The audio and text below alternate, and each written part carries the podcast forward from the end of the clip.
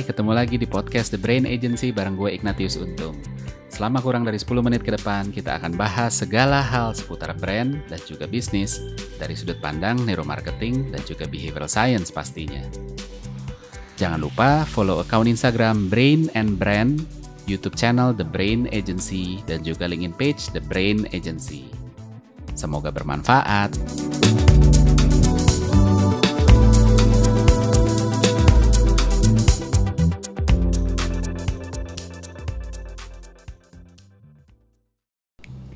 Pernah dong lihat brand-brand gede yang pakai selebriti gitu kan? Uh, untuk endorse untuk macam-macam. Macam-macam dah. Dari yang lokal tuh mulai dari Dian Sastro ada Joe Taslim ada Agnes Monica gitu ya. Ada siapa lagi? Dulu ada Tamara Blesinski sekarang mungkin udah nggak lagi ya. Uh, Syahrini gitu kan Raisa gitu kan. Kalau yang internasional tuh juga macam-macam. Mulai dari BTS Blackpink uh, Cristiano Ronaldo macam-macam gitu ya. Uh, banyak banget deh pokoknya uh, ininya apa? Uh, varian varian selebriti uh, yang digunakan untuk mengendorse ini gitu kan. Uh, walaupun kadang-kadang bikin kita gemes juga ya, karena ada beberapa yang sebenarnya uh, selebritinya sama produknya kayak kok nggak nyambung ya, bukan nggak nyambung-nyambung banget sih. Contoh misalnya ya, kayak Agnes Monica gitu. Agnes Monica tuh kan jago nyanyi, kita tahu ya ini super diva lah ya gitu ya. Terus habis itu dia uh, mengendorse satu motor gitu ya. Uh, motornya juga motor motor matic biasa lah yang kita kadang-kadang mikir gitu kan apa iya Agnes Monica naik motor gitu ya sampai dia bisa eh nih pakai motor ini nih gue kurang lebih kan gitu dia ngomongin. Gue happy nih gitu kan.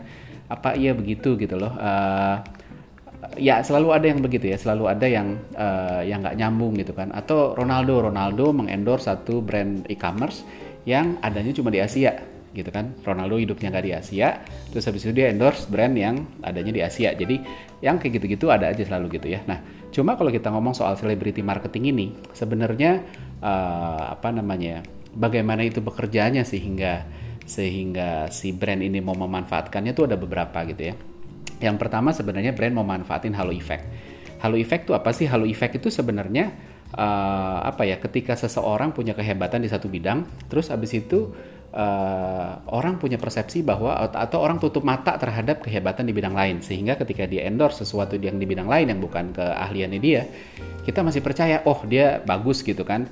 Uh, walaupun ya sebenarnya nggak nyambung nyambung banget ya kayak tadi gitu kan. Agnes Monica memang jago soal nyanyi soal acting soal segala macam ya. Tapi kalau soal milih motor kayaknya bukan dia yang paling jago gitu ya. Tapi itu tadi gitu kan life is blind gitu kan. Life is blind dan uh, apa namanya rasoni, rasi, rasionalisasinya itu mereka kadang mikir bahwa kalau orang-orang ini sukses pasti dia milih barang-barang yang terbaik. Akhirnya rasionalisasinya gitu sehingga walaupun dia bukan orang yang tepat untuk ngomongin soal ini tapi dia pasti pakai yang kualitasnya nomor satu. Jadi uh, ya udah deh diambil deh. Walaupun nggak selalu benar juga karena belum tentu mereka ngerti juga gitu kan. Yang kedua adalah uh, ini sesuatu yang dekat dengan sehari-hari kita kalau punya idola atau nggak usah ngomong idola deh ya kita naksir sama seseorang gitu. Zaman SD SMP S ya nggak SD sih SMP SMA lah ya. Mulai naksir naksir sama teman sekolah segala macam gitu kan. Uh, berada deket deket hal-hal yang berhubungan sama dia aja kita udah deg-degan gitu ya. Uh, naik motor atau naik sepeda bareng sama teman lewat lewat deket rumahnya aja udah ih ini deket rumahnya dia nih gitu kan. Atau tiba-tiba uh, apa namanya uh, beli tas yang mereknya sama gitu ih ini gitulah nah jadi uh, ketika kita mengidolakan sesuatu kita pengen ngerasa dekat dengan dengan si idola kita ini juga gitu kan dengan cara memakai apa yang dia pakai gitu kan. Uh, itu aja udah udah cukup bikin kita happy. Nah yang ketiga adalah dorongan untuk membahagiakan dalam tanda kutip memuaskan idola dengan cara menuruti keinginannya. Jadi kalau si A bilang eh kamu pakai ini kalau kita pakai uh, kemungkinan persepsinya di, di kepala kita adalah oh dia bakal happy gitu. Karena oh kita menunjukkan bahwa kita benar-benar uh, fans sejati gitu ya. Padahal belum tentu uh, mereka juga tahu. Apalagi kalau ngomong kon, apa konteksnya endorser ya. Mereka juga nggak akan ngetrack satu persatu dan lain sebagainya. Tapi ya ya begitulah gitu kan. Uh, cinta yang yang secara bawah sadar mau kita tunjukin kurang lebih bentuknya begitu gitu. Nah dari sisi brand ada beberapa hal sebenarnya yang kita bisa uh, bisa manfaatin ya. Yang pertama adalah brand ini mau manfaatin uh, coveragenya. Ketika ada satu selebriti dia kan punya follower, dia punya fans dan uh, lain sebagainya gitu ya. Dia mau manfaatin itu gimana caranya saya dapat coverage yang gede ke followernya mereka gitu kan. Jadi si endorser ini atau selebriti ini dianggap sebagai media aja gitu kan. Banyak yang mengkonsumsi dalam tanda kutip gitu ya. Seperti media dikonsumsi banyak yang ngikutin dia sehingga ya udah deh kalau kita pakai dia mungkin kita dapat coverage lebih besar gitu kan. Yang kedua adalah uh, brand juga mau dapetin placebo effect. Placebo effect tuh apa sih? Contohnya kayak pil gitu ya. Ada kapsul gitu kan. Kadang kapsul itu kan cuma wadah aja ya uh, wadah obat obatnya mah di dalamnya. Nah uh, placebo pil itu adalah placebo uh, pil yang sebenarnya kapsul yang nggak ada isinya gitu loh. Ini cuma buat dalam tanda kutip nipu gitu ya untuk kasih sugesti ke se uh, seseorang yang psikosomatis bahwa eh saya udah minum minum obat sehingga saya harusnya lebih baik gitu kan. Jadi placebo ini sebenarnya juga juga juga berlaku ke mana-mana gitu. Ketika kita mengidolakan seseorang, apa yang dia omongin terus kita pakai gitu terus habis itu kalau dia bilang nih kamu pakai ini jadi jago olahraga. Terus habis itu eh iya jadi jago olahraga. Padahal sebenarnya belum tentu iya gitu loh.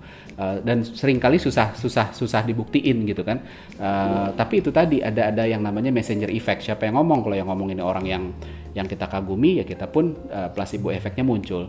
Yang ketiga adalah, nah ini sebenarnya yang paling ideal, ketika brand mau ngetap in karakternya si selebriti. Jadi harusnya pemilihan selebriti uh, itu juga sebagai endorser itu dilihat karakternya sesuai nggak dengan karakter brandnya. Jadi bukan cuma sekedar asar tenal dan segala, segala macamnya gitu, tapi memang harus harus memang align karena pada akhirnya nanti brand kita disimpan di memori itu berdasarkan apa aja yang di sekelilingnya gitu, apa aja yang di, bisa dikoneksi dengan brand kita. Salah satunya si endorser tadi, si selebriti. Nah kalau selebritinya, misalnya contoh kita mau bikin brandnya serius gitu ya, tapi terus habis itu uh, endorsernya ya udahlah yang ada nih sekarang yang lucu gitu kan, komika gitu kan, nggak nyambung gitu. Akhirnya jadi, nanti brandnya juga jadi jadi nggak jelas gitu kan.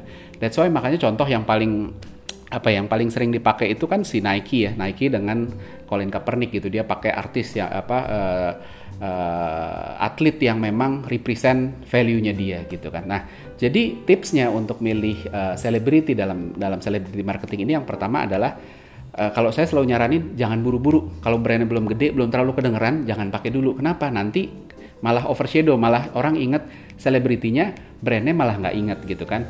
Uh, terus abis itu Uh, yang kedua adalah orang juga uh, akan melihat bahwa ketika eh ini kan brand aja belum kedengeran kok udah di endorse sama sama artis papan atas ya orang jadi ah nih mah bayaran doang dan lain sebagainya. Itu yang harus hati-hati. Yang kedua pilih juga yang relevan sama produknya sama brandnya. Kalau dia brandnya mobil ya kalau bisa carinya ahli ahli mobil lah gitu kan. Uh, siapa yang the bestnya? Kalau uh, fashion ya ahli fashion dan lain sebagainya gitu kan. Uh, kita butuh orang butuh bantuin orang untuk jadi sense making untuk bisa sense making bahwa oh ini nyambung nih brandnya sama itu gitu walaupun itu terjadi bawah sadar semua. Yang ketiga adalah pilih yang sesuai sama brand karakter kalau nggak sesuai mendingan jangan dipilih gitu. Karena jadi akhirnya nanti associationnya nggak nggak jelas juga gitu kan. Uh, terus habis itu selanjutnya pilih juga yang nggak overuse gitu kan. Banyak uh, eh, endorser endorser yang udah dipakai banyak brand sehingga tuh habis itu orang lupa itu iklan yang mana ya itu sih itu kayaknya si brand itu deh dan lain sebagainya hati-hati gitu banyak banget yang orang inget artisnya inget iklannya tapi nggak lupa brandnya apa gitu kan nah yang terakhir yang paling penting bisa pakai smart approach. Smart approach itu apa? Nggak harus lalu si endorser pegang produk bilang, eh ini pakailah produk ini yang paling bagus dan sebagainya. Tapi kayak contoh dulu zaman uh, saya baru awal-awal kerja, ada satu iklan namanya iklan Bang Danamon ya. Iklan Bang Danamon itu bikin uh, undian berhadiah gitu kan. Terus pakai Kris Dayanti. Nah, bukan dia pakai Kris Dayanti itu ngomong, eh nabunglah di Bang Danamon supaya itu habis itu uh, apa namanya kita uh, apa namanya uh, bisa menang hadiah dan sebagainya bukan kayak gitu tapi Chris Dayantinya dipanggil gitu ya seolah-olah dipanggil sama si pemenangnya undian ini untuk nyanyi untuk ngamen dalam tanda kutip di warung soto gebrak pinggir jalan yang kaki lima banget gitu jadi uh, dimasukinnya secara pinter gitu loh. Jadi uh, lebih lebih smooth dan orang malah lebih ingat ada twistnya. So uh, celebrity endorsement itu banyak peluangnya banyak opportunity-nya tapi tetap harus hati-hati ya